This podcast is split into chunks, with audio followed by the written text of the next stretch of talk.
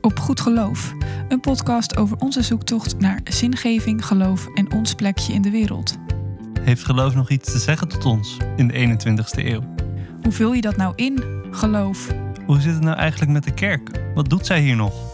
En wat moeten twee twintigers die dominee willen worden in een wereld waar geloof niet vanzelfsprekend is? Wij zijn Heime en Ilse, twee jonge theologen op zoek naar onze plek in de kerk en in de samenleving. En in deze podcast nemen we je mee in die zoektocht. Welkom bij weer een nieuwe aflevering van Op Goed Geloof.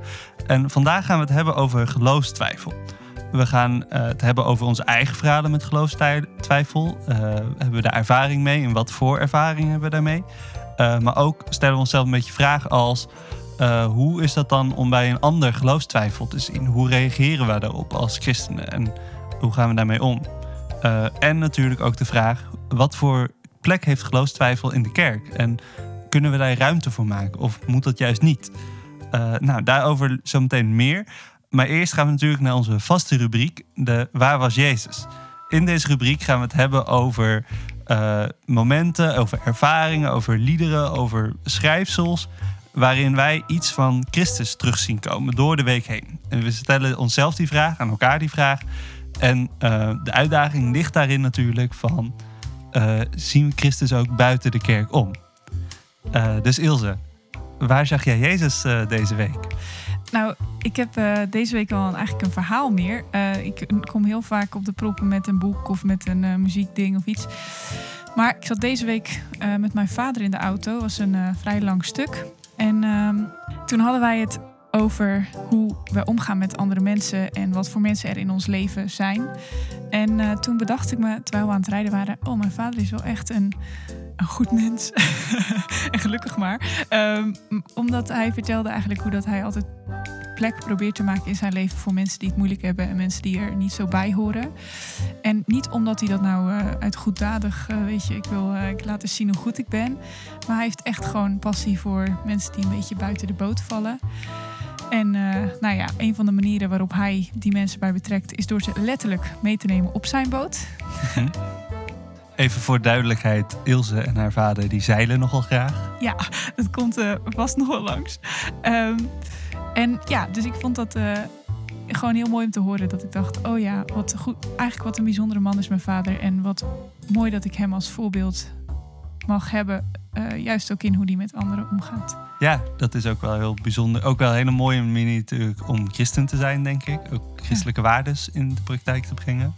En ja. wat je zegt ook wel wat bijzonder om zo iemand ook als vader te hebben. Want heel veel mensen op deze wereld hebben natuurlijk geen of juist een hele slechte band met hun vader. Ja, ja en, dat je Jezus ziet in je eigen vader, dat is denk ik wel een voorrecht. En uh, zo zie ik dat ook echt. Dus daar ben ik heel dankbaar voor. Even ongerelateerd, maar jouw vader luistert ook naar deze podcast, toch? Hoi pap, leuk dat je luistert. ik hoop het. En uh, ja, ik denk dat ik hem vrij snel betraf nu als, uh, als hij Ja, als hij nu opeens helemaal zijn nopjes is rondom jou, dan... Dan weet ik dat hij luistert. Maar, uh, maar goed, Heim, uh, hoe was het voor jou? Heb jij Jezus nog op een bijzondere plek uh, ben je hem tegen de lijf gelopen? Nou, ik, ik kom deze keer wel met een lied op te proppen. dat doe ik normaal volgens mij niet zoveel. Ja, dat mag. nou, gelukkig. Um, nee, ik heb het gezien in een lied uit het liedboek voor de kerken. Ik ben daar niet mee opgegroeid. Ik uh, ben er dus ook niet heel bekend mee. Maar ik ben daar een beetje mijn weg in proberen te vinden. Omdat ik in de PKN wil gaan werken. En daar kwam ik lied 650 tegen. En daarin staat de zin: Gods goedheid is te groot voor het geluk alleen. En die zin die bleef bij mij hangen. En ik dacht, dat is, dat is gewoon zo'n mooie zin. Want we zijn alleen maar geneigd. Is de, ja, daar ben ik dan soms toe geneigd om God alleen te zien in de mooie dingen, de goede dingen. God zegent ons in het mooie weer, in, ja. uh, nou ja, in het zonnetje, in, in al dat soort dingen. Dus als het goed gaat, dan is God bij ons. Dat is natuurlijk ook wel een gedachte die je dan wel veel tegenkomt. Maar Gods goedheid is te groot voor het geluk alleen. Ik vond het, ik vond het echt een mooie zin. En, en ik heb hem nog niet helemaal uitgepakt voor mijn gevoel. Dus ik ben daar nog mee bezig in mijn hoofd. Maar dat was wel iets, iets dat ik dan meeneem. En daar dat ik dacht, ja, daar kom ik Christus in tegen.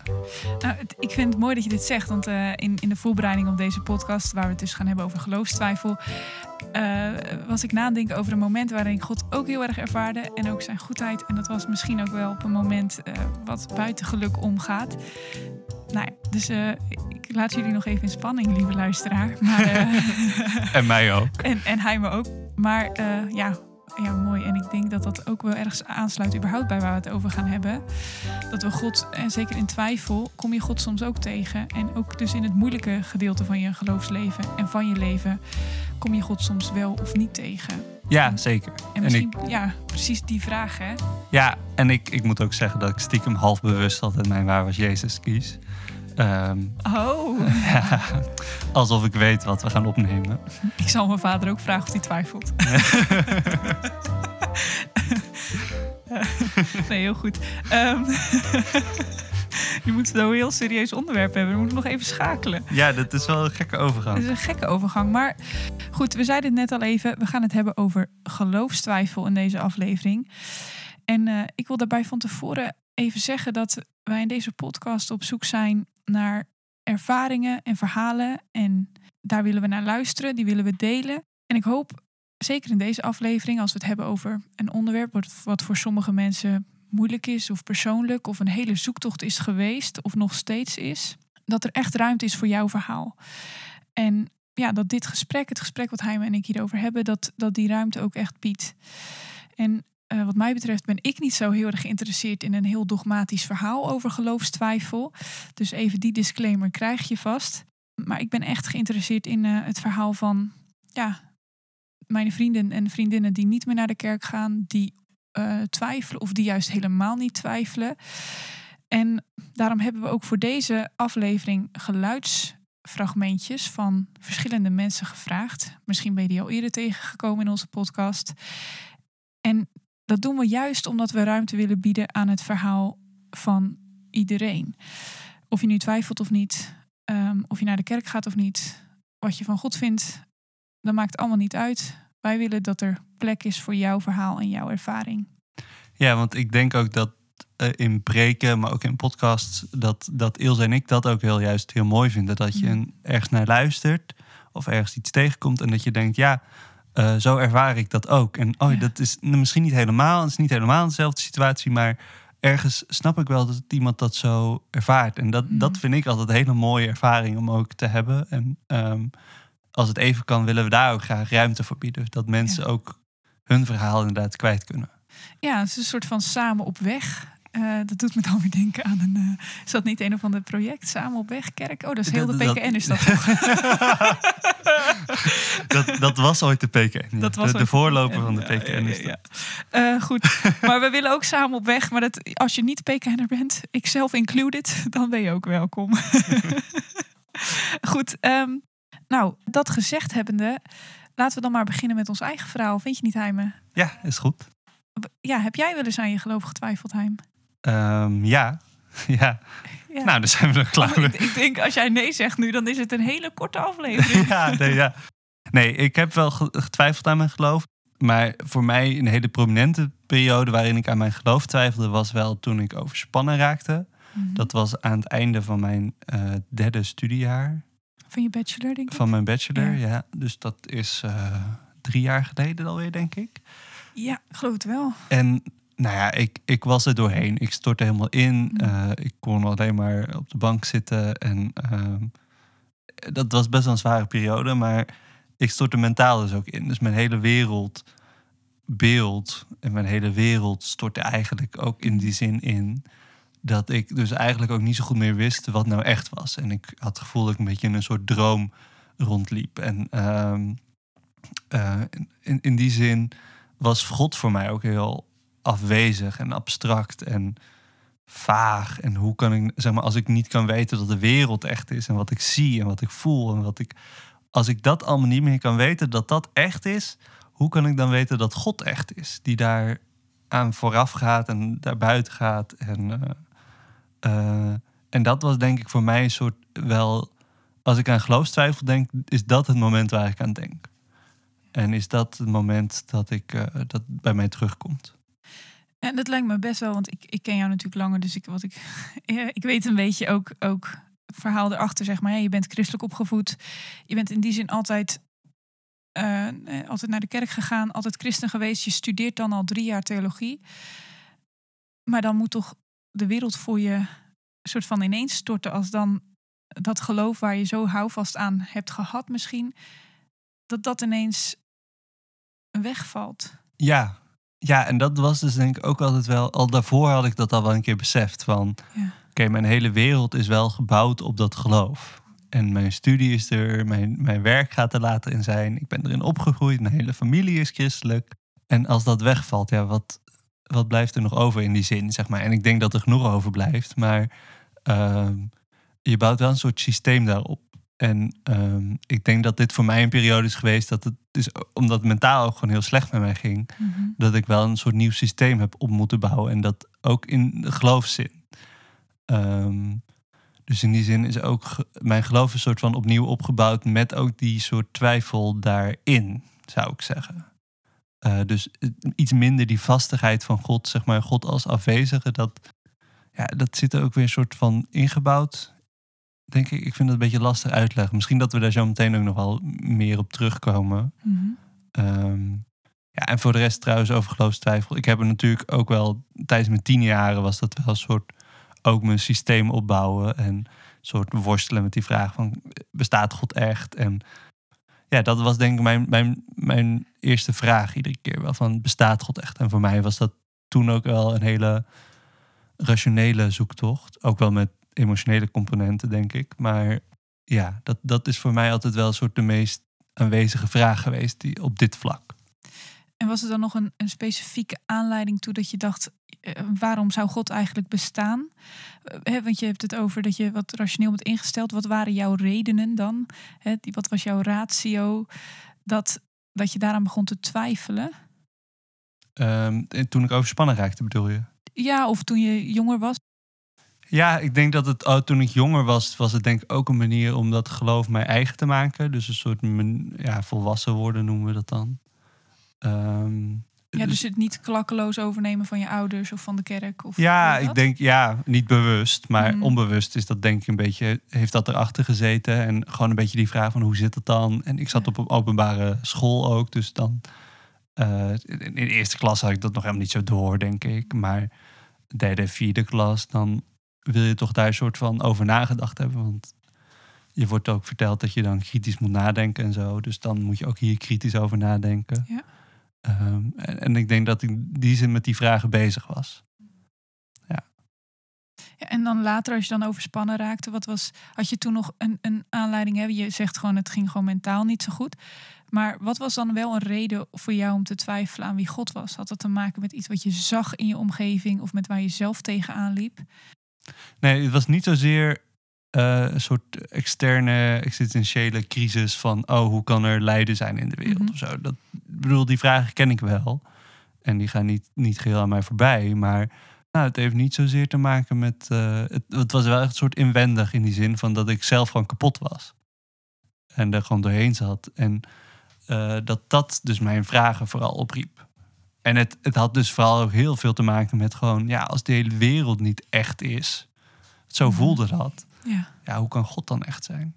En tegelijkertijd ook wel momenten dat ik God wel voelde en dat het er wel een soort doorheen uh, geloodst werd. Maar dat mhm. wilde ik ook heel graag. Ja. Maar hoe zit het bij jou, Ilse? Hoe ga jij om met geloofstwijfel en wat betekent dat voor jou in jouw leven? Uh, nou, ik ken ook geloofstwijfel. Anders dan uh, was het ook wel een kortere aflevering geworden, denk ik. Um, ik denk, hoe is dat gekomen? Ja, nou, een van de dingen die, die ik vaker hoor bij mensen die twijfelen um, of gaan nadenken en vragen gaan stellen aan het geloof, uh, komt dan vaak doordat hun geleefde realiteit of, of hun leven, dat dat botst met de manier van leven zoals die vanuit hun geloofstraditie wordt voorgeschoteld. Mm -hmm. Nou, stel je eens voor, uh, lichtelijk herkenbaar verhaal.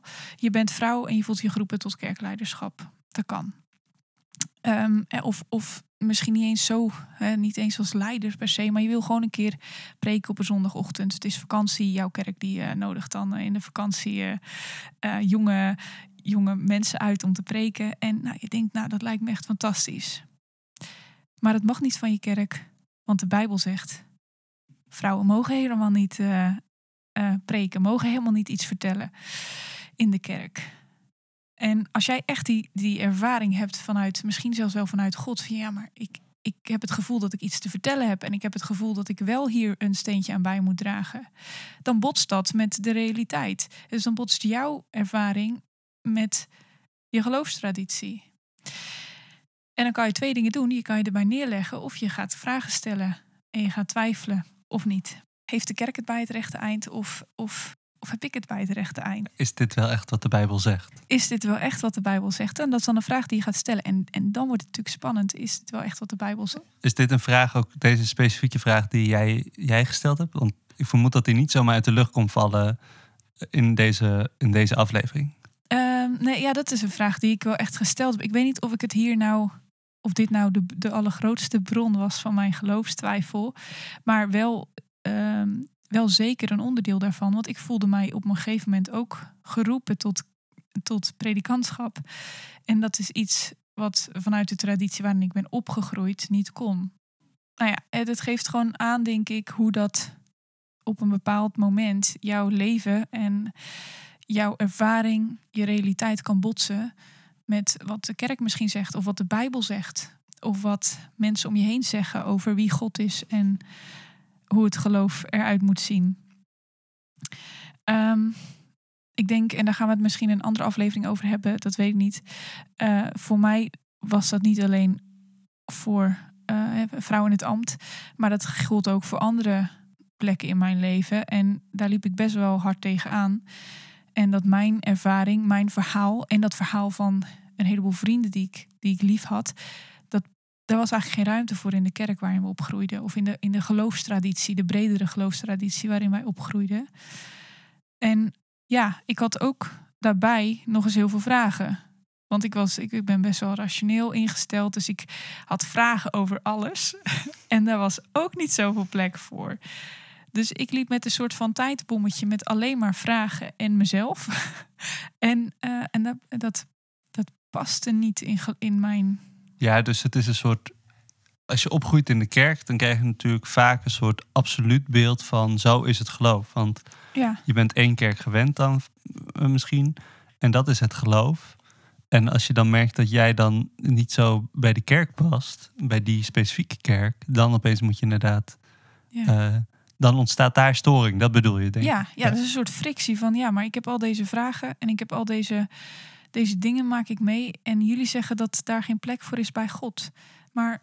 Ja, dus dan moet je kiezen. Mm -hmm. Of ik ga voor dat geloof en ik offer in die zin soort van bepaalde dingen van mezelf op. Dat, dat klinkt misschien negatief voor mensen, maar dat, ik Dat kan, me voorstellen ja, dat het in bepaalde situaties helemaal niet zo heel erg is. Ja. Of eh, vervelend wordt ervaren of zo. Maar ehm, of je moet inderdaad zeggen, ja, dat, dat geloof, dat gaat, eh, zeg Ja, maar, één van die twee moet vorm. wijken. Ja, dus dat geloof moet of anders vormgegeven worden. En net als wat jij zei, je moet soort van dat opnieuw gaan, met een moeilijk woord, herconstrueren. Mhm. Opnieuw gaan opbouwen. Of dat woord gebruikte ik niet hoor. Nee, dat, eh, dat nee, nee, sorry. Ja, dat is de ik, rationele eh, Ilse die dat. eh, Sorry. Eh, nee, maar je moet dat opnieuw gaan opbouwen. aha. Of eh, je, moet, je moet je ernaar schikken. En, eh, en voor mij was er op een bepaald moment wel een keuze die ik heb gemaakt. Ik kon me er niet naar schikken. Of ik wilde me er niet naar schikken. Eh is net hoe je het ziet. En, ehm, en dus ik moest mijn geloof gaan opbouwen. Maar dat betekent, ja, dat betekent dat ik heel veel ook wel twijfels begon te krijgen. Zoals we net al even zeiden, hebben we ook een aantal anderen gevraagd over hoe zij met geloofstwijfel omgaan. En hier Lisanne en Nienke over hun ervaring met twijfel. Hey Ilse en Heime. Ik twijfel wel eens aan mijn geloof.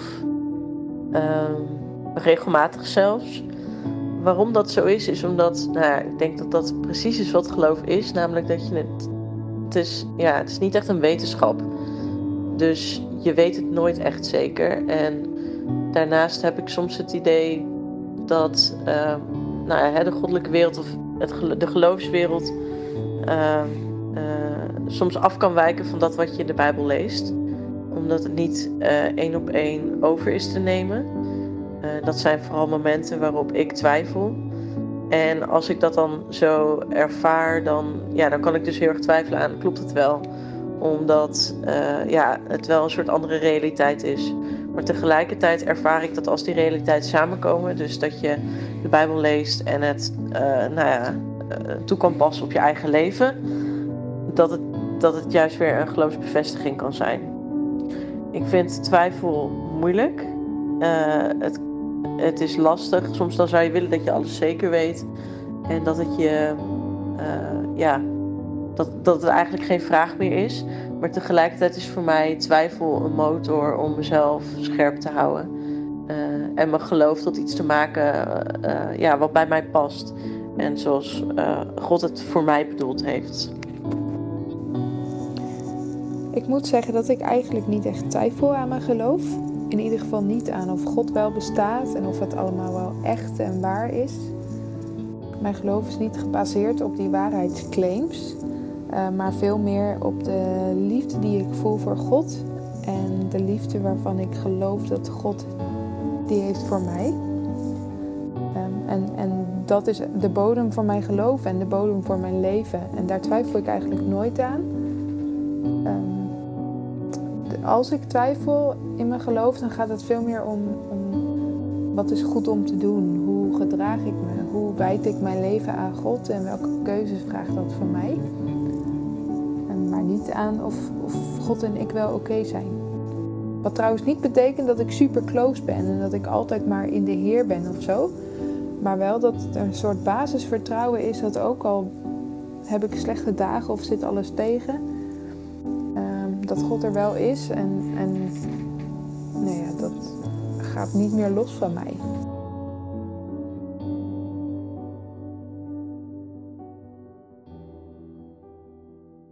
En hoe is dat nu voor jou? Uh, ja, ik denk ook wat jij zegt, die twijfel is ook op een bepaalde manier deel geworden van mijn geloofsbeleving. Het, uh, het niet altijd, ik ben echt een denker ik word gewoon echt enthousiast van, van geschiedenis, van theologie, van, van alles wat ermee te maken heeft. En zeg maar, dus ik wil eigenlijk gewoon woorden geven aan, aan en antwoorden geven aan de vragen die geloof bij ons oproept. Dat is, dat is bijna mijn beroep. Mhm. Ehm, en tegelijkertijd is er ook een, echt een diep besef uh, dat, dat dat niet kan. Dat, er, dat woorden tekortschieten als het om God gaat. En dus dat moet wel, dat is deel geworden van mijn geloof. Dat ik God niet meer in een hokje of zo kan, kan stoppen. Uh, en dat er alleen over nadenken niet genoeg is. Ik denk dat dat misschien ook wel iets is waar ik dus tegenaan liep, ook door mijn studie heen.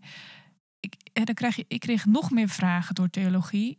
Ik kon er ook wel op een leuke manier mee omgaan.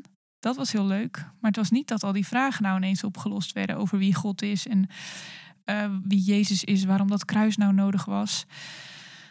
En dus um, maar als je dan zegt van nadenken alleen is niet genoeg. Ehm, dat, dat veronderstelt in mijn, eh, zoals ik het hoor, veronderstelt dat dat er dus ook iets anders bij is gekomen. Een andere manier om je geloof ook in stand te houden. Ja. en wat is dat, vraag ik me dan af. nou, uh, ik denk wat voor mij heel belangrijker of belangrijk is geworden, is, is de rol van mystiek of mysterie, zoals we dat uh, in de theologie wel eens noemen. En dat is eigenlijk ja, iets wat zegt van er is ruimte voor, uh, voor iets dat je denken overtreft, bij wijze van spreken. Of iets wat buiten denken omgaan. Het is niet alleen ons verstand wat met geloof te maken heeft en met God. Maar in onze relatie tot God en tot onze naasten is er iets, ja, iets buiten dat denken ook aan de gang. En ja, ik vind God dus nu ook in de ruimte tussen woorden in stilte. Ik hoef het niet allemaal meer te begrijpen. Dat wil niet zeggen dat ik die vraag niet meer stel en dat ik dat niet meer, daar niet meer over nadenk, dat ik niet af en toe nog twijfels heb.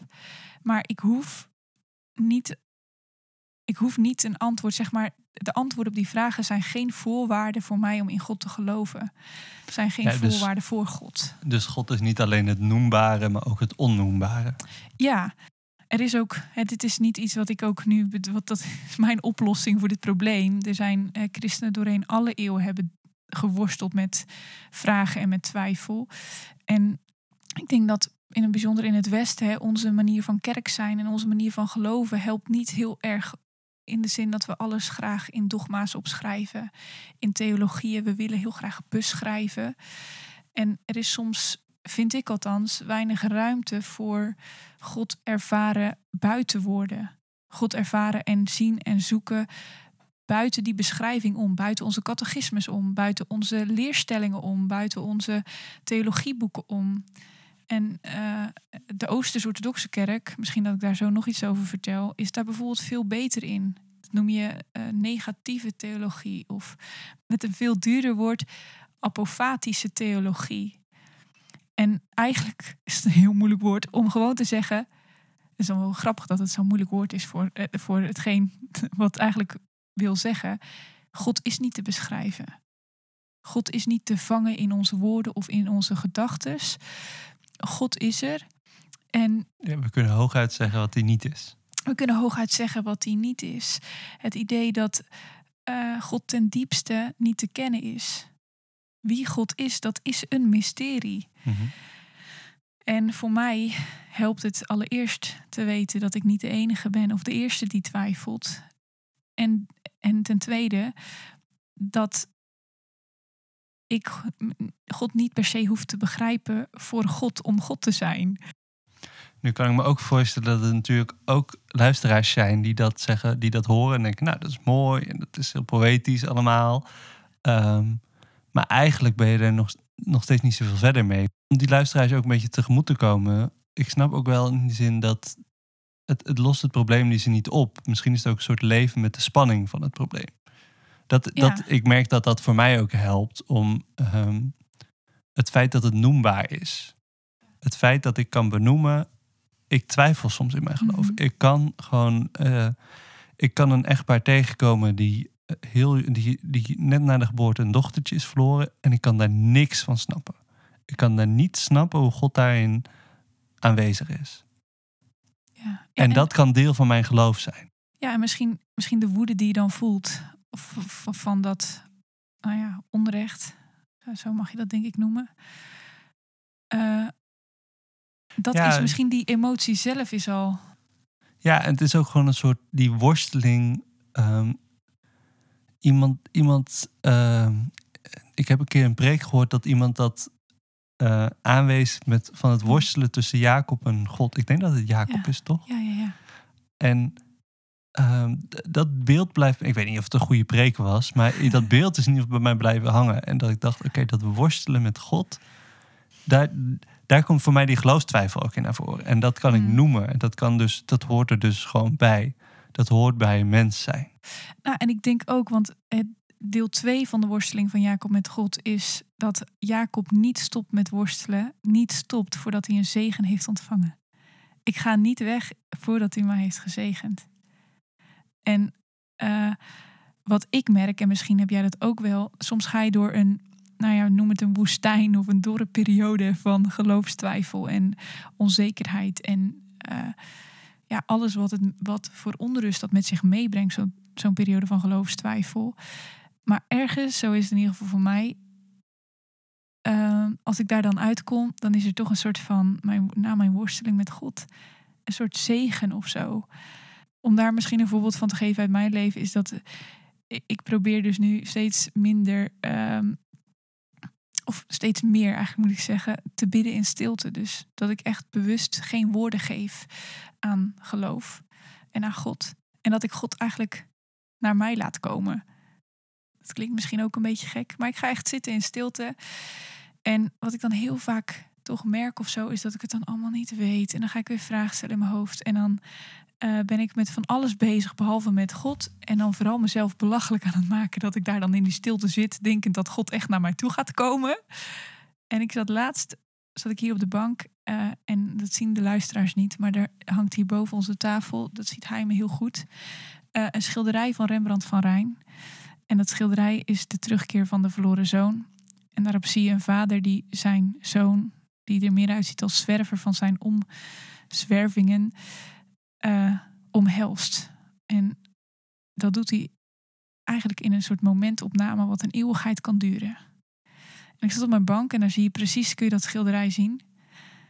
En ik zat in stilte en ik zat helemaal te worstelen met mezelf en met alles, alle vragen die me opkwamen. En toen had ik het gevoel alsof God zei, maar ook dan ben je nog steeds omsloten in mijn omhelzing. Ook met al jouw vragen en met jouw twijfel en dan duurt het een eeuwigheid. Mijn omhelzing duurt altijd langer. Maar ik, dat, dat bedoel ik misschien met die, dat zegen of zo, die worsteling. Ja. En dat kan dan uiteindelijk toch in een zegen omgedraaid worden. Ook al raak je misschien hè, mank, zoals Jacob dat dan eh die eindigt Ja. mank. Maar En toch, ik, ik, ja, ik vind het echt mooi om te horen. En ik vind het altijd fijn als mensen dat soort ervaringen ook delen. Daar, zeg maar, eh, maar tegelijkertijd denk ik ook wel, ja, ik herken dat in die zin ook weer niet. In, ehm, nou, ik vind het nu in coronatijden vind ik het best wel lastig om ook een soort van überhaupt gedisciplineerd te zijn. En een beetje op tijd op te staan, op tijd naar bed te gaan. En eh, bidden, Bijbel lezen. Om dat echt soort van gedisciplineerd te doen, vind ik echt lastig. Maar Ja. ik denk dat het voor mij ook te maken heeft met ehm, het feit dat God daar, ook weer soort van dus bovenuit gaat. Dus ik denk, oké, maar kijk, God vindt het fijn, denk ik, als, als ik Bijbel lees en die gebruikt het om mij op te bouwen en met te leren. En ook bidden kan mij vormen en mm, kan mijn relatie met God vormen. En dat eh, al die dingen die ik vroeger in de kerk wel geleerd heb, sta ik nog steeds helemaal achter. Zo ketters ben ik ook weer niet. Ehm, maar ergens kan God het ook wel aan als ik een tijdje niet bid, zeg maar. mm, En dat wil ik niet mensen soort van oproepen. Ga dus vooral niet bidden, want dat is goed voor je. Nou, misschien ook wel, maar ehm, ik denk niet voor iedereen. Is maar het geeft mij ook een soort rust van, oh, ik ben dus niet. eh, het, het hangt niet van mij af in die zin. mm. Is dat ook hoe je, hoe je God soort van ziet in momenten van geloofstwijfel? Als die genadige God die het wel aan kan als jij even aan het schoppen bent en even aan het worstelen en er even, nou ja, in die zin en misschien juist daarom ook geen zin in heeft, hebt. Nou, ik denk dat het eerder te maken heeft dat vroeger eh geloofstwijfel was altijd een soort crisiswoord. Mhm. Dus geloofstwijfel was altijd erg. Ja. En als ik dan ook niet. En dat was ook zo als ik niet de Bijbel las of niet, niet bad. En dat was dan altijd wel. Kijk, God kon het wel aan, maar het was wel erg. Ja. En, en nu zou ik niet zo snel meer dus dat, woord, dat soort woorden als worstelen en zo gebruiken. Denk ik. Dus dat het daar meer in zit. Van het is ook gewoon een soort manier van zijn Mhm. die God ook, waar God ook in aanwezig is. En ik wil, ik vind het voor mezelf fijn om gewoon bewust te zijn van God en daar wel mee bezig te zijn. Maar het is niet alsof God daarmee soort buitenspel wordt gezet als ik niet bid. Maar ik denk dat het ook te maken heeft, daar moest ik ook nog aan denken. eh, een van onze luisteraars, die, wij hadden een berichtje gezet op social media met de vraag van, eh, eh, twijfel jij wel eens aan je geloof en wat doe je daarmee? En een van onze luisteraars die reageerde daarop. En die had het dus ook over van... het zit misschien wel meer in doen dan in dogma. Dus het is niet zozeer al die leerstellingen die je dan niet meer gelooft... maar meer van als je net getrouwd bent... dan kun je opeens, zeg maar... dan heb je geen tijd meer voor de kerk of zo. Of dan lukt het gewoon even niet meer. En dan eh, ben je gewoon druk met van alles en nog wat. En je hebt net je eerste huis en je kinderen. En dan heb je je eerste huis en dan heb je gewoon minder tijd voor alles. En dus door je doen heen zak je dan een beetje af, om het zo te zeggen. Of dan raak je een soort losgeweekt van dat geloof. En ik denk dat daar wel iets in zit. Ik denk dat het ook in die zin een soort van andersom voor mij te maken heeft met eh, ook deze tijden. Ik loop nog stage, ik mag nog bij mensen thuiskomen eh, om, om gesprekken te voeren. En dat vind ik heerlijk. En in die zin eh, geeft dat mij ook een soort mogelijkheid daartoe om dus dat doen van andere mensen te zien. Mm. En te zien hoe zij met hun geloof ook bezig zijn, ook worstelen, maar ook bezig zijn. En dat activeert mij, denk ik ook. Dus dat is voor mij ook een manier om met geloofstwijfel om te gaan. En is het dan ook dat dat doen je ook helpt als je het, eh, eh, de leerstelling of het dogma even niet meer zeker weet? Dus ondanks je twijfel dat je dan toch doet? Denk het wel. Ja, ik vind het ook heerlijk om erover na te denken hoor. En een beetje.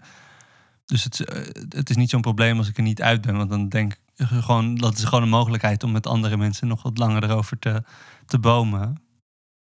Maar ik denk dat het ook te maken heeft met, oké, ik zie dit, dit geloof geleefd worden. En ik zie dat mensen er steun aan hebben. En ik zie dat mensen de. Ik zie dit geloof gebeuren in het leven. En dat Ja. vind ik mooi. Ja. En dat, dat steunt mij. En dat, ehm, ja, dat, dat inspireert mij om dan ook weer door te gaan. Mm. Ik denk dat dat het vooral ook is. Hier Mark en Jorinde over geloofstwijfel. Hallo, ik ben Mark en ik studeer theologie aan de VU in Amsterdam. In mijn tienertijd begon ik ernstig te twijfelen aan het bestaan van God en aan andere delen van mijn christelijk geloof. Hoe dat precies komt is moeilijk te zeggen, maar het is misschien niet heel vreemd om in een seculier land te gaan twijfelen. Mijn twijfels hebben er mede toe geleid dat ik nu meer een zoeker ben. Ik ben iemand die fundamentele christelijke claims serieus neemt en zoekt naar wat Engelsen evidence noemen. Evidence dat God bestaat, dat Jezus is opgestaan uit de dood, dat de evangelieën historisch kloppen en ga zo maar door. Mijn zoektocht is nog niet afgelopen en ik ben benieuwd waar het me zal brengen. Geloofstwijfel voor mij is een opening voor God om bepaalde interpretaties of gedachten die ik al jaren heb gehad aan te pakken. We zien twijfel vaak als iets gevaarlijks. Ik zelf blijf er liever ook ver van weg. Als ik twijfels krijg, dan uh, duw ik die liefst zo snel mogelijk weer weg met oude argumenten. Um, maar iemand zei ooit tegen me dat God die twijfel juist kan gebruiken. Hij kan je erdoor laten zien dat je misschien wel jarenlang iets hebt geloofd wat niet klopt. Of misschien door je uh, nog sterker van iets overtuigd te maken, doordat je nieuwe antwoorden en nieuwe inzichten hebt gekregen. Door met de twijfels aan de slag te gaan. Dus het kan ook zeker wel heel goed zijn om twijfel toe te laten ergens.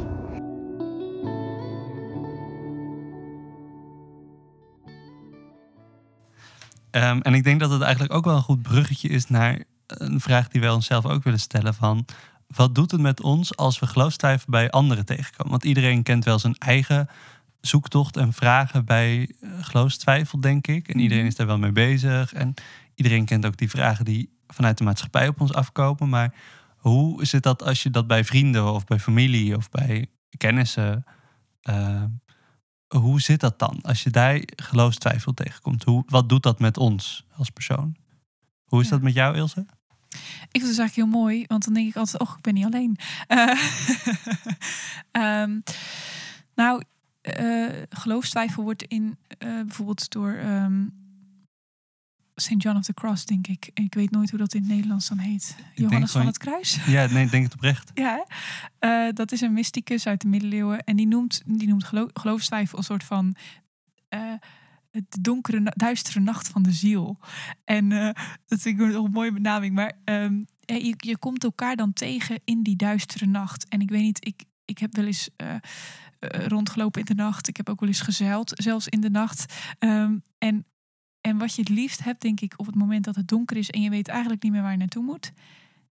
is iemand naast je. Ook al weet hij ook niet precies waar je naartoe moet. Maar het feit dat je niet alleen bent, dat kan zo ontzettend helpen. En dat heeft mij in ieder geval heel erg geholpen. eh, door mijn geloofstwijfel heen. En ehm, een van die mensen die mij heel erg daardoorheen helpt, dat is niet. eh, Rachel Held Evans. ja, hoe kom je er toch bij? Eh, nee, maar die, die zit eigenlijk ook met al die vragen. En eh, ehm, eh, eh, eigenlijk alle vragen die ik mijzelf stelde toen ik Rachel Held Evans ging lezen, toen dacht ik, oh, ik ben niet gestoord. Er zijn meer mensen die ook hiermee worstelen en die ook geen antwoorden hebben op al deze vragen. En dat deed me zo goed. Eh, dat vond ik gewoon echt heel fijn ehm, om haar te lezen, maar ook me- überhaupt gewoon mensen tegen te komen die daar doet mij altijd heel erg goed eigenlijk mensen met geloofstwijfel. Ja, nee, maar dat, Ehm. ik vind dat ook wel. Ik had daar zelf niet zo aan gedacht in de voorbereiding, maar ik vind het wel heel mooi dat je dat zegt. Ehm, ook, ook Rachel Held Evans noemt, want nou, wij gaan nog een podcast over haar maken. Ik ben haar aan het lezen nu. Ja, Eh, en ik herken wel in die zin die soort van verademing van, oh, zij heeft dat ook. ja, En, en bij mij gaat dat volgens mij niet, in mijn boek gaat het niet zo over geloofstwijfel, maar ik vind wel, zij is heel menselijk en zij weet dat op een hele goede manier ook eh, te verwoorden. Maar daarover later meer, want dat is een andere aflevering. allemaal eh, spoilers hier. maar hoe is, dat, hoe is dat voor jou, Heim? Als jij mensen tegenkomt, vrienden misschien wel, die, eh, die heel erg twijfelen aan hun geloof, misschien niet meer geloven? Nou, ik, ik zat zelf meer aan een andere kant te denken. In die zin, ehm, nou, ik had op een gegeven moment een vriendin van mij eh, over ook nou, die, die tijd van overspannen zijn en geloofstwijfel daarin. En Mhm. ik meen dat zij toen ook een beetje met geloofstwijfel zat. En zij stelde toen de vraag van, eh, ja, maar toen jij twijfelde eraan, jij wilde wel weer een soort gelovig eruit komen. Ja.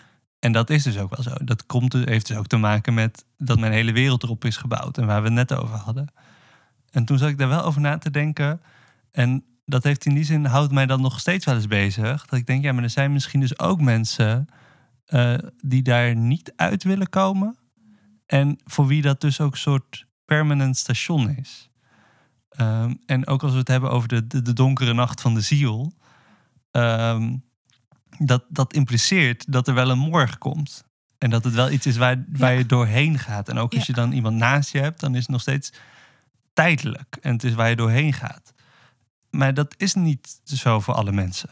En, en dat, Maar zou je zeggen dat zij niet uitkomen bij de volgende dag? Of vind je het moeilijk of moeilijk eh, dat die dag er anders uitziet dan jouw dag? nee, ik weet het dus niet. Ja. Ik, ik denk dat ik het moeilijk vind dat ik dat niet weet. Ik weet vrij zeker dat hun dag er anders uitziet dan mijn dag. Dat hoop ik voor ze. Ehm, niet omdat mijn dag niet mooi is, maar dat, dat is gewoon iets. Zij hebben iets anders nodig, denk ik. Dus ik denk dat het ook wel goed is voor veel mensen. En soms Ja. ben ik ook wel blij in die zin dat ik denk: oh, wat fijn dat je inderdaad. Eh, het, het geeft ook een soort worsteling aan met geloof. En het geeft Ja. wel een, een levend geloof aan. In die zin, denk ik. Ook als mensen die, die heel erg twijfelen, dat misschien zelf niet zouden zeggen. Je neemt je geloof wel echt serieus. Nee, dat is En het ook, leven ja. serieus. En dat vind ik knap. En dat vind ik mooi. En dat, dat, dat juich ik toe. Maar ik ben dus wel ergens dan toch wel bang, merk ik. Van, ik weet niet, ik weet niet hoe dit af gaat lopen. Maar waar ben je bang voor dan? Ja, ik, ik heb dan toch wel, ja, of dat opvoeding of toch gewoon nog geloof is, dat ik denk, ja, maar je mist wel iets aan het geloof. Dus ik hoop en ik bid en ik, dat, dat iemand wel terugkomt bij dat geloof op een manier die wel werkt voor diegene. Maar als dat niet gebeurt, daar ben ik dan, ja, daar ben ik wel bang voor op een bepaalde manier. Want ik denk wel dat ze er iets aan missen. En ik. Maar dat is toch in. Ja, ik ga nu een beetje devil's advocate spelen, maar dat is toch helemaal niet erg. Ik bedoel, als zij iets, het, het in iets anders vinden, dat hoeft jou toch geen angst te bezorgen? Nee, nee, ergens niet. Ik ben ook wel blij voor ze dan dat ze dan. Het is niet dat ik ze, geen geluk bied, eh, gun als ze het alleen buiten het christendom kunnen vinden. Maar eh, ja, ik ben dan denk ik toch hervormd genoeg om te denken dat dat. eh, ik vind het idee heel mooi hoor. Van zo'n zo'n katholiek idee dat een soort verschillende schijven van redding hebt. En de binnenste is de katholieke, de buitenste, daar, daarbuiten vallen de Anglikanen. Oh ja, da- daarna komen de protestanten die. En dan is het, ja, die moeten nog net iets langer in het vage vuur zitten. En eh, dat, ik vind het idee op zich best mooi, maar ergens in mij zit toch een kern dat ik denk, ja, ik, ik, goed, ik, ik zeg het niet, hè, dat die mensen sowieso in de hel belanden of, of weet ik veel wat. Eh, dat, daar ga ik helemaal niet over. Dat bedoel ik absoluut niet te zeggen. Mhm. Maar ergens denk ik toch, ja, ja goed, ik blijf erbij. Volgens mij, ja, ergens in mij zit zo'n kern die dan zegt, ja, je mist wel iets buiten Christus op. Ja. Nou, en weet misschien je- dat ze ja. Christus ergens anders vinden, maar eh, ik, nee, dat is een beetje Nou het punt van, ik wil mensen ook serieus nemen in hun, in hun twijfel. Dus ik wil ook niet soort van, oh, ik ga alleen mee met je twijfel als je binnen drie maanden weer gelooft, of binnen een half jaar, of als je uiteindelijk weer gelooft. Dat, dat wil ik niet zeggen. En ik wil ook niet zeggen van, ehm, ja, weet je, ook als je dat geloof wel hebt gezegd, weet je, je bent nu wel Mm. boeddhist geworden of je bent nu wel atheïst, maar eigenlijk geloof je ook nog steeds in Christus. Ja, Dat vind ik ergens ook iets flauws aan te zitten. gemakkelijk misschien. Ja, je neemt mensen niet helemaal, nou ja, Ja. niet helemaal serieus, denk ik. Ja, en tegelijkertijd ook misschien het besef, en, en dat doen we natuurlijk iedere podcast, beginnen we met de vraag, waar was Jezus? Hè? Waar, waar hebben we Jezus gezien buiten de kerk? Ehm, omdat misschien Jezus ook, kijk, en dat natuurlijk, ik ben het helemaal met je eens, je moet mensen helemaal serieus nemen op het punt waar ze zijn. Dus als ze Jezus nergens zien, dan is dat zo. Maar Jezus is ook wel echt te vinden buiten de kerk. Ja, oh nee, zeker. En, en ook buiten het christelijke stramien, buiten het, de christelijke religie. Ehm, en ik denk dat dat is misschien ook wel dan. eh, Ik denk dat ze ook nog steeds wel een bepaalde gemeenschap met Christus kunnen hebben. Want ik denk dat Christus in gewoon het goede te vinden is. Ja. Maar ik wil ze dan ook wel serieus nemen dat als ze dan afstand hebben genomen van het christendom, dat ik dan niet ga zeggen, oh, maar je bent stiekem Mhm. nog steeds christelijk. Ja, precies. Ja, en ja, ik, ja, en ja, ik denk ja. dat ik in die zin ook misschien ook een soort bang ben van, oh, maar hoe, omdat ik zo in dat christelijke wereldje zit en daar zo'n, dat is mijn taal, zeg maar. Dus kan Ja. ik nog steeds goed met hen spreken ook. Hen als ze- serieus nemend en mezelf serieus Ja, nemend. precies. Want ik vind dat, ik merk dat dat echt wel lastig is. Ik denk dat het niet eens zozeer bij het gesprek ligt, maar ook bij mezelf. Maar hoe, heb, hoe, ervaar jij dat? Nou ja, ik, eh, ik kom wel, wel regelmatig mensen tegen die echt heel erg teleurgesteld zijn door, door de kerk of door een bepaalde geloofstraditie of een bepaalde ja, geloofsleer of hoe je het ook wil noemen. En sommige mensen worden dan bitter. En, en dat bedoel ik helemaal niet beschuldigend. Ik word daar een soort van eh, ja, verdrietig van, omdat die bitterheid ontstaat, denk ik vaak omdat er gewoon geen ruimte was binnen hun geloofsopvoeding, geloofstraditie, waar ze ook vandaan komen omdat er geen ruimte is voor iemands verhaal, iemands realiteit of iemands vragen. En dat doet me gewoon wel echt heel veel verdriet. En ik voel me daar ook als hopelijk toekomstig priester wel echt verdrietig over. Van ja, de kerk waar ik voor sta, die heeft jou gefaald. En, eh, en dat snap ik echt heel. Ik snap dat ook echt heel goed vanuit mijn eigen leven en ervaring. Maar ik zou ze zo graag zeg maar willen vertellen dat er, dat er wel echt ruimte is en dat er, dat er echt een plekje is aan de tafel, aan, aan Gods tafel, al staat hij in de woestijn. Maar dat er wel echt een plekje is voor mensen die zich zo voelen met die twijfel, met die vragen, met misschien gewoon alle bitterheid en boosheid die ze hebben. En dat ze ook in de kerk zouden mogen schoppen en mogen, eh, ja, die, zeg maar, hun hele leven mag daar komen, wat mij betreft. Dus ook die, die, eh, die uitspattingen en ook die vragen en ook die twijfel en ook eh, hun verhaal, ook al voelen ze misschien zich ongemakkelijk met dat verhaal. Ik zou ze dat zo graag dan willen vertellen. En dat is misschien, ja, daar- dan denk ik, oh, ja, ik word daar gewoon, ik kan echt heel erg verdrietig van worden. Eh, ik merk nu ook dat het me dan raakt of zo. Dat ik denk, oh, Maar ja, ik zo ja, goed. Je wilt inderdaad ook een soort van, je wilt het zo graag soort van duidelijk maken, maar dat lukt niet altijd. Maar als je even denkt ook van, nou, als je mensen die, eh, dus stel dat je die uitnodiging wel overkrijgt, hè, van je bent ook gewoon welkom en, en met al je bitterheid en boosheid enzovoort. Ehm, maar hoe, hoe krijgt dat vorm in de kerk volgens jou? Hoe, of hoe zou dat vorm moeten krijgen? Het is een gemeenschap van gelovigen. En, Ja. en dat merk je ook wel gewoon van. eh, nou ja, in mijn traditie wordt iedere eh zondagavond is dat dan de geloofsbelijdenis opgelezen. Ja.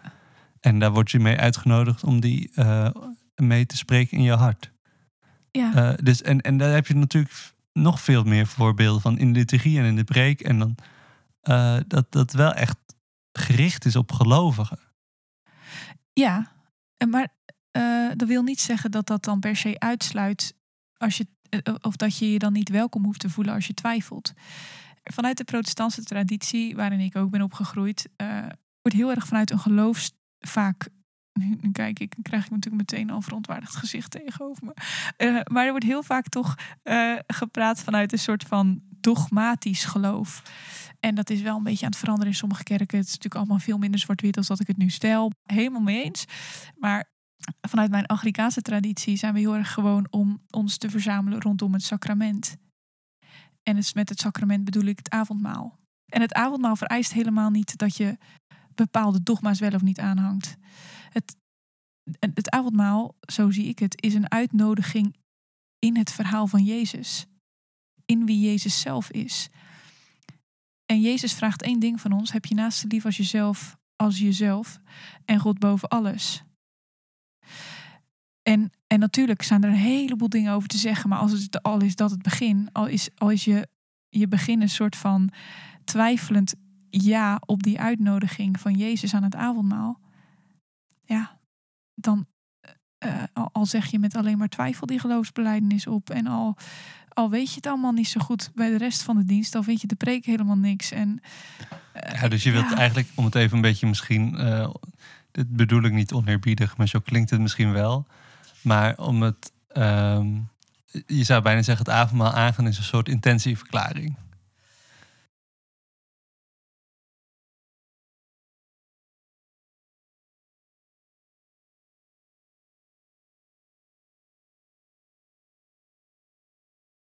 Want, want wat ik denk dat veel, veel luisteraars zullen zijn, zeg maar, of dus we zullen denk ik eh, ook luisteraars hebben die meer uit eh, een beetje de orthodoxe kringen komen. Ja. Ja, daar is het avondmaal. Ja, dat zoals, is jij dat nu om, zoals jij dat nu omschrijft, dat, die kunnen zich daar denk ik niet, Ja. die herkennen dat denk ik niet. Nee, en nou ja, zonder dat ik nu in een soort van eh, exegetisch verhaal ga vervallen. Volgens mij zat Hieras in ieder geval in sommige evangeliën ook gewoon aan het avondmaal. Deelde hij ook in, eh, in de brood en wijn die Jezus deelde. En was hij in ieder geval uitgenodigd.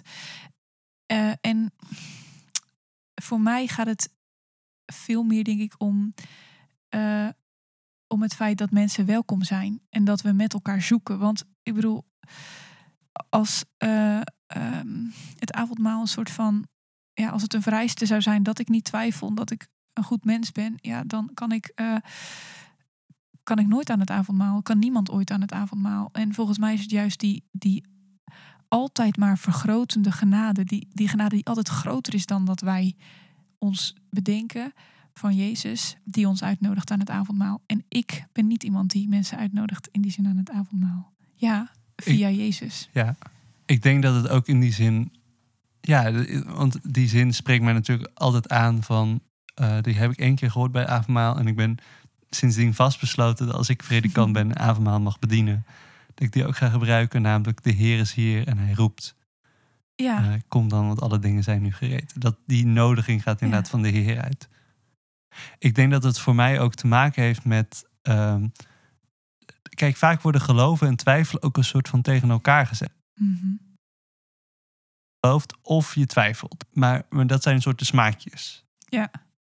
Terwijl ik dat denk, ja, het is en meer een soort gradatie. En ik denk dat ze allebei kunnen. Ik denk dat je juist... Kijk, ik denk dat je kunt twijfelen en niet meer kunt geloven. Dat wil ik zeggen. Dat, ge, dat geef ik toe. Maar ik denk dat je ook kunt geloven en twijfelen tegelijk. Nou ja, ik wil er zo nog een eh, stukje uit voorlezen eh, van eh, Rachel Held Evans, die eigenlijk zich een kerk soort van gaat voorstellen voor, die, ja, nou ja, voor die mensen, voor, waar dus ruimte is voor geloof en twijfel. En waar die, die scheidslijn helemaal niet zo sterk wordt gesteld. Eh, maar voordat ik dat doe, ben ik eigenlijk ook wel benieuwd hoe dat jij dat voor je ziet, eh geloofstwijfel in de kerk. Nou, ik denk dat het dus voor mij heel veel te maken heeft met... Nou ja, hoe ik er zelfs mee omga, is dat noembaar maken. Dus die spanning die er is in mij... Mhm. ik ben gewoon tegelijkertijd een gelovig mens en een twijfelend mens. En dat blijf ik. Dat hoop ik. Ehm, dus ik denk dat dat ook soort van, ja, dat is ook de kerk. De kerk Mhm. bestaat uit mensen die geloven, die zeggen ja, dit is waar. En meteen zeggen, ik heb geen idee. en dat, zeg ja, maar, paradoxale. Van, ja, en die spanning die daar zit, van, eh, volgens mij is dat die vader, of eh Jairus, die voor zijn dochtertje. En dan, eh, en dan zegt Jezus, je moet geloven. En dan zegt Jairus iets als, eh Eer, ik geloof, eh, maar kom mijn ongeloof te hulp. Of Ja, zo. Dus ja. die geeft meteen toe, ja, die spanning daar. Van, oh, ik geloof, maar ook weer niet. En ik denk dat dat eh, in de kerk daar een soort ruimte in geven. Ook in, in preken, in liturgieën. In, ehm, en ook tegelijkertijd zie ik ook wel ruimte in de kerk voor twijfelaars en zoekers. In de zin van een twijfelend geloof is dynamisch. Dat twijfelen, dat die worsteling die daar ontstaat, daar Mhm. komt de energie uit vrij om ook dat geloof te blijven ontwikkelen. En ehm, die dwingt jou als mens, dus omdat je, omdat je zegt, ja, ik snap niet waarom dit kleine kind kan overlijden. Daar, die, daar komt energie uit vrij en die ontwikkelt je geloof. En daar moet je dus doorheen gaan. Of afhaken. Ja. Dat is niet helemaal, zeg maar, die spanningen zijn niet altijd zo hoog, denk ik. Maar soms wel. Dus het is dit of dat. En je moet daar een soort van tussendoor bewegen. Om dat misschien bij elkaar te krijgen of zo. Ja, het kan een hele gemeenschap in beweging zetten, die moeite, die Ja, pijn. Ja. Ja.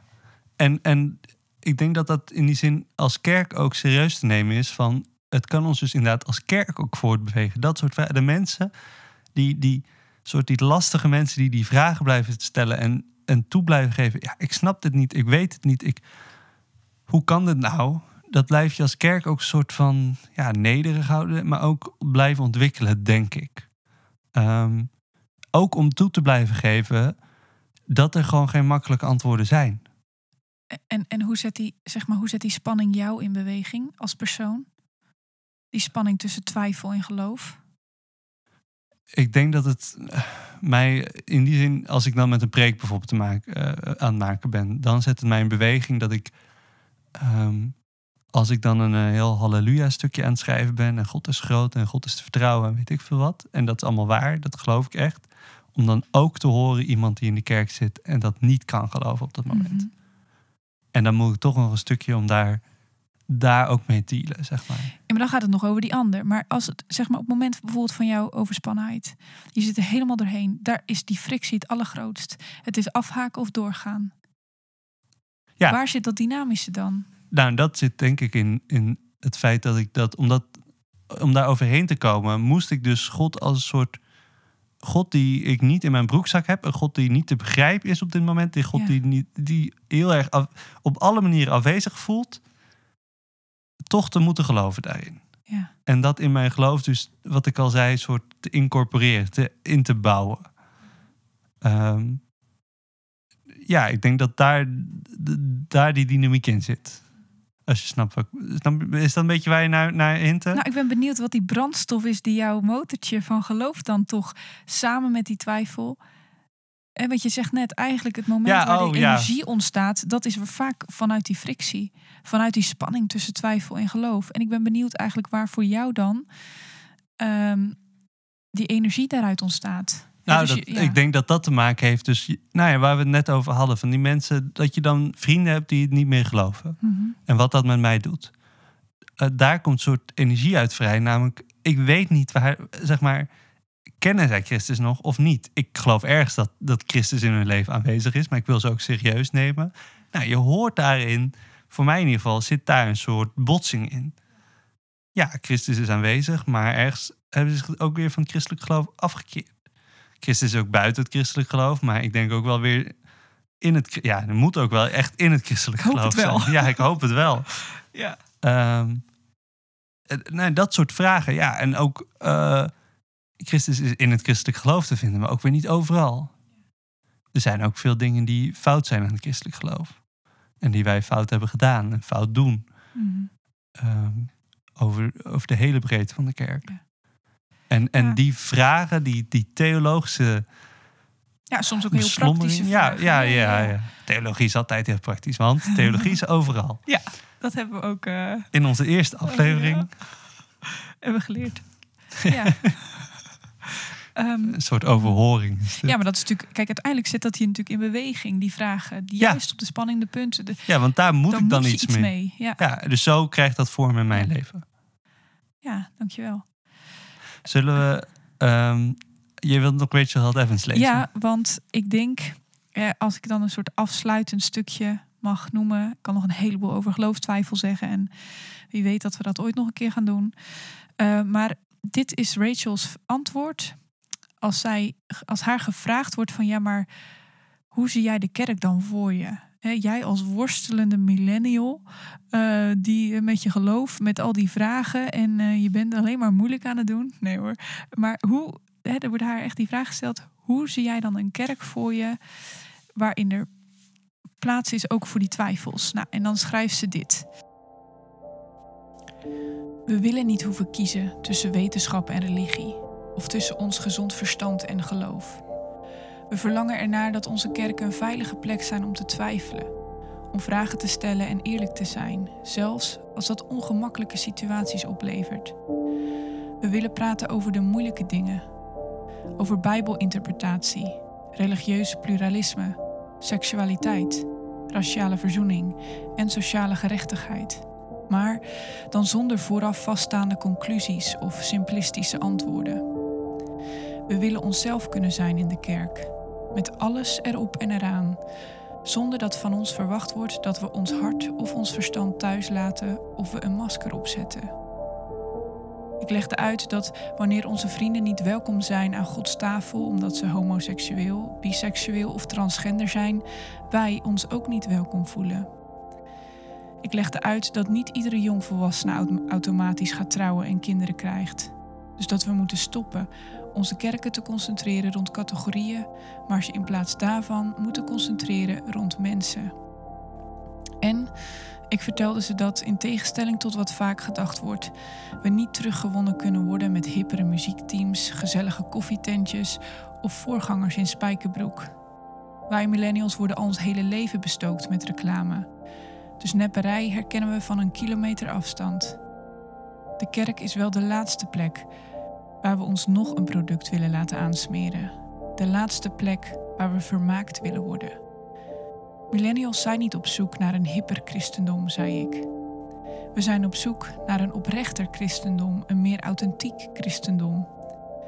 Net als elke generatie voor ons en elke generatie na ons zijn we op zoek naar Jezus. Dezelfde Jezus die te vinden is op de vreemde plaatsen waar hij altijd al te vinden was.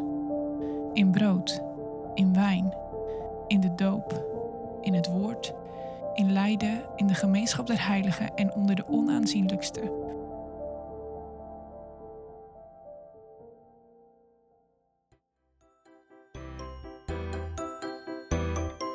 Heel erg bedankt dat je luisterde naar deze aflevering van Op Goed Geloof. We willen graag dat meer mensen ons vinden, dus vond je het leuk? Stuur deze podcast dan door en laat anderen ook kennis maken met de podcast Op Goed Geloof. Je kunt ons beluisteren op Spotify en iTunes en waar je ook maar naar je podcast luistert. Heb je ideeën of vragen? Of weet je een gast, onderwerp of thema dat echt een keer op deze podcast langs moet komen? Of wil je ons gewoon een berichtje sturen? Kom dan met ons in contact. Je kunt ons vinden op Instagram en Facebook via Op Goed Geloof. En je kunt ons ook mailen op goedgeloof.gmail.com. Een podcast maken kost geld. Dus zou je ons willen steunen zodat we deze podcast kunnen blijven maken? Ga dan naar opgoedgeloof.nl slash doneren. Dat kan door een eenmalige donatie te doen of door goedgelovig te worden. Als goedgelovige krijg je toegang tot extra content als overdenkingen en extra afleveringen. Ook maak je als goedgelovige kans op de relieken die we af en toe verloten. Mocht je helemaal geen zin hebben om ons geld te geven, maar wil je wel wat doen, niet getreurd. Je helpt ons al enorm door een goede review achter te laten op iTunes. Geef ons bijvoorbeeld 5 sterren. Zo kunnen meer mensen op goed geloof vinden. Bedankt voor het luisteren en tot de volgende keer.